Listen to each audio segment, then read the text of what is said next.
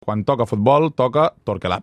Soñaba jugar un mundial y consagrarse en primera. Tal vez jugando pudiera a su familia ayudar. ¡Grande Diego! Torque Lab. Ricard Torquemada, què tal? Bona tarda. Què tal, Joan? A veure, Ricard, ahir Xavi va tornar a utilitzar la fórmula d'Araujo al lateral dret i Condé al central. De fet, va ser la pregunta que li vas fer tu a la roda de premsa postpartit. I Xavi et va donar una resposta, Ricard, que a mi em va deixar una mica fred. Sí, va, va, jo m'esperava una, una resposta més específica, perquè fins ara les, les vegades que havia jugat Araujo de lateral responien a, a una mirada molt, molt fàcil per l'observador extern, per algú que no coneix, diríem, eh, els detalls de, des de dintre, que era tenir un jugador que en el cara a cara fos eh, amb un potencial altíssim, no? Va passar amb Vinícius, ho va intentar Sí. amb Rashford l'eliminatòria contra el United, eh, aquesta pretemporada amb Rafael Leao contra el Milan. Ja va començar a patinar la teoria quan ho va fer el Gamper contra Perisic eh, contra el Tottenham, perquè no és un jugador Perisic que et pugui desbordar l'un contra un, tot i que sigui un fantàstic jugador de banda. I ja teníem una mica la sensació que estava movent-se alguna cosa. I la Mireia Ruiz a la, a la prèvia de TET ja va dir que la sensació és que Araujo jugarà més sovint del que va fer la temporada passada com a lateral, però clar, ens esperàvem, diríem que mirades més, més clares i ens vam trobar amb l'alineació d'Araujo com a lateral un dia que el rival no jugava Sí, sí. exactament amb un extrem esmolat, ni, ni molt menys, fins al punt que per aquella banda gairebé no, no, no hi arribava ningú, perquè tot i que defensava Jaime Mata, després en atac eh, compensava més cap a dintre i jugava amb tres migcampistes, Sí, sí. eh, molt interiors.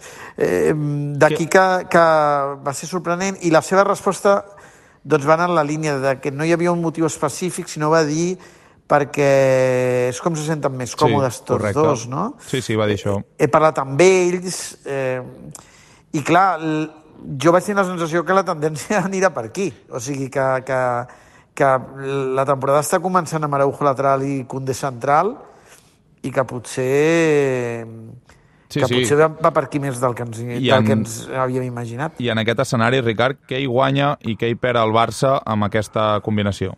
Home, jo crec que, en, a qualsevol de les dues combinacions guanya amb el central i perd amb el lateral. És a dir, eh, jugui qui jugui de central se sent més còmode. Per exemple, a Condé ahir el vam veure amb la lectura de la sortida de la pilota i amb un atac posicional gairebé a camp rival, prendre molt bones decisions, va conduir per fixar i buscar la passada interior, cosa que, per exemple, a Christensen li va costar, va fer canvis d'orientació eh, precisos, va buscar passades a l'espai contra jugadors que trencaven l'última línia.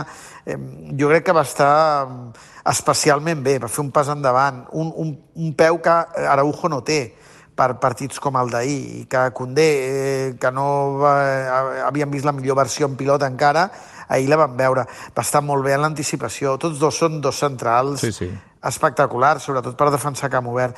I, i en canvi, doncs, Araujo, a la banda, jo crec que si no té, diríem, eh, un jugador en el cara a cara per, per marcar eh, i per controlar, doncs perd l'autoritat i la jerarquia que té com a defensa central on està molt més a prop del joc i després ell no és un jugador delicat contra la línia lateral, amb espais reduïts, a l'hora de seleccionar quina passada ha de fer.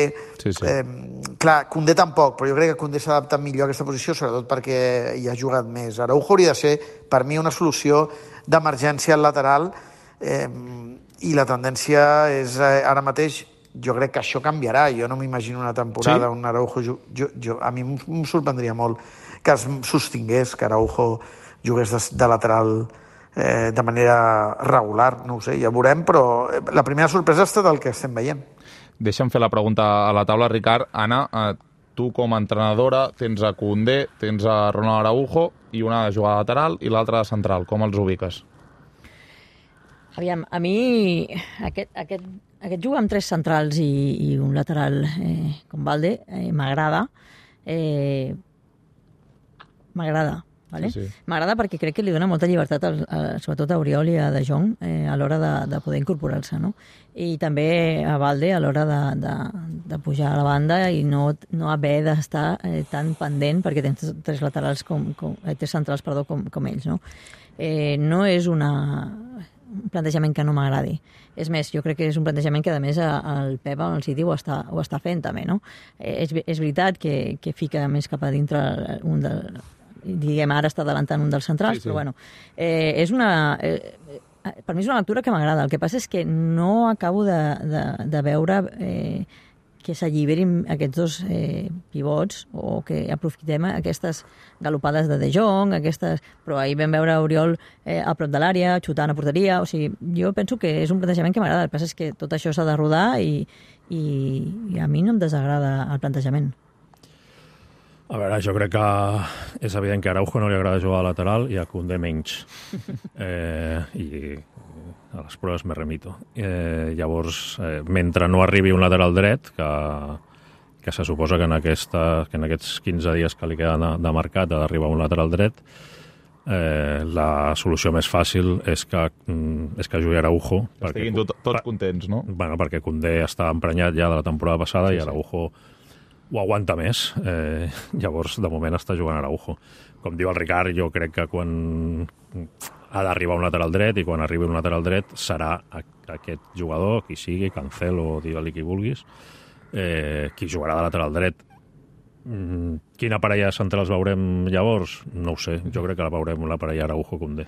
Ricard, Veurem per... els dos de central, entre altres coses perquè Christensen es lesiona molt i, i perquè són els tres amb els quals més confia Sí, Xavi, sí. Xavi amb Condé, Araujo i Christensen. Christensen es lesiona molt, Araujo ha, ha de jugar sempre perquè és el, el, el central que et rectifica sempre i, i entre els altres com, diu el, Ric- com deia el Ricard ara, mm, Condé ahir va donar un pas endavant i mm, últimament, eh, ja amb la pretemporada estic veient un Condé molt millor amb la pilota. perquè Ricard és evident no, que el Barça ha d'incorporar o intentar incorporar dintre de les seves possibilitats un lateral dret. Sí, sí, el que passa és que amb, amb la situació econòmica del Barça eh, està, eh, té, té el radar dels laterals tan, tan obert que pot passar de Foyt a Cancelo, que és que això és com anar del nord al sud. I ara que això que deia l'Anna, clar, amb Cancelo no, no, no es pot fer. I amb Cancelo i Valde als laterals s'ha acabat la història del, dels quatre migcampistes i del quadrat, perquè clar, és que aleshores eh, et pots trobar despulladíssim eh, per la transició defensiva. Eh, clar, eh, jo, les, bé, el Xavi buscava un lateral que fos com un tercer central, un lateral baix per, per tancar amb tres, com explicàvem, i Sí. poder estirar Valde, però clar, si l'oportunitat de mercat és Cancelo, que és un extraordinari lateral, però que ha de tenir projecció ofensiva, eh, perquè on segurament eh, s'expressa millor és de mig camp cap endavant, eh, clar, no sé si serveix de gaire des de la versió original tenir Cancelos i Cancelo i Valde. O sigui que, que aquí hi ha un trencaclosques Complicat de resoldre. Sí, sí. que que, sí. que, que haurem de veure com es resol. Vols dir, Ricard, que sí, o toques el plantejament o jugar un dels dos? Clar, és que jo crec que tots dos alhora... Vaja, Potser, potser el dia que jugui Cancelo eh, juga Marcos Alonso. Sí, però clar, el que vull dir és que, clar, si tu la teva opció prioritària és que jugui Marcos Alonso perquè a l'extrem que va dintre és el de la dreta, el dia que passi això hauràs de posar l'extrem que vagi de l'esquerra cap a dintre. Hauràs de posar l'Abde. Clar, aleshores, eh, has, has d'anar balancejant tot això i, i clar, no sé si Cancelo i Valde també estaran gaire contents d'anar alternant les seves titularitats. També és veritat que hi haurà partits a casa, sobretot contra equips Sí. sí. tancats, on podràs jugar amb els dos laterals ofensius. Però vaja, que per un partit eh, exigent fa la sensació que aquesta fórmula amb Cancelo i Valde serà difícil d'ajustar-ho per tot. O sigui, és com la manta, eh? no tapa cap i És peus curta, és curta. i haurà de, haurà de triar. Veurem si el Barça acaba incorporant a Joao Cancelo. Ricard, una pregunta, si pot ser molt breu. Ahir, a la TDT, vas fer una frase que em va cridar l'atenció, que és m'he sentit representat amb Oriol Romeu i Gundogan. A què, a què et referies exactament? Doncs que, doncs que a mi m'agrada com, està, com va fluir el mig camp. Crec que falten matisos, que Pedri va participar poc, que va costar molt filtrar aquesta passada, perquè probablement els centrals no van fixar bé. Com deia la- l'Anna, això ha de, ha de cuinar-se, però la sensació és que el Barça té un mig camp molt complet i que Oriol Romeu i Gundogan li donen al Barça eh, en el cas de Romeu continuïtat i en el cas de Gundogan un salt de qualitat eh, per entendre que fins i tot Gavi va saltar de l'alineació Eh, jo crec que el Barça eh, a través del mig camp es pot expressar com de manera que sigui reconeixible respecte al que Xavi i el barcelonisme vol. És la mirada del Ricard Torquemada amb aquest Torquelab eh, del partit d'ahir on el Barça va empatar a 0 a Getafe. Gràcies, Ricard. Adeu.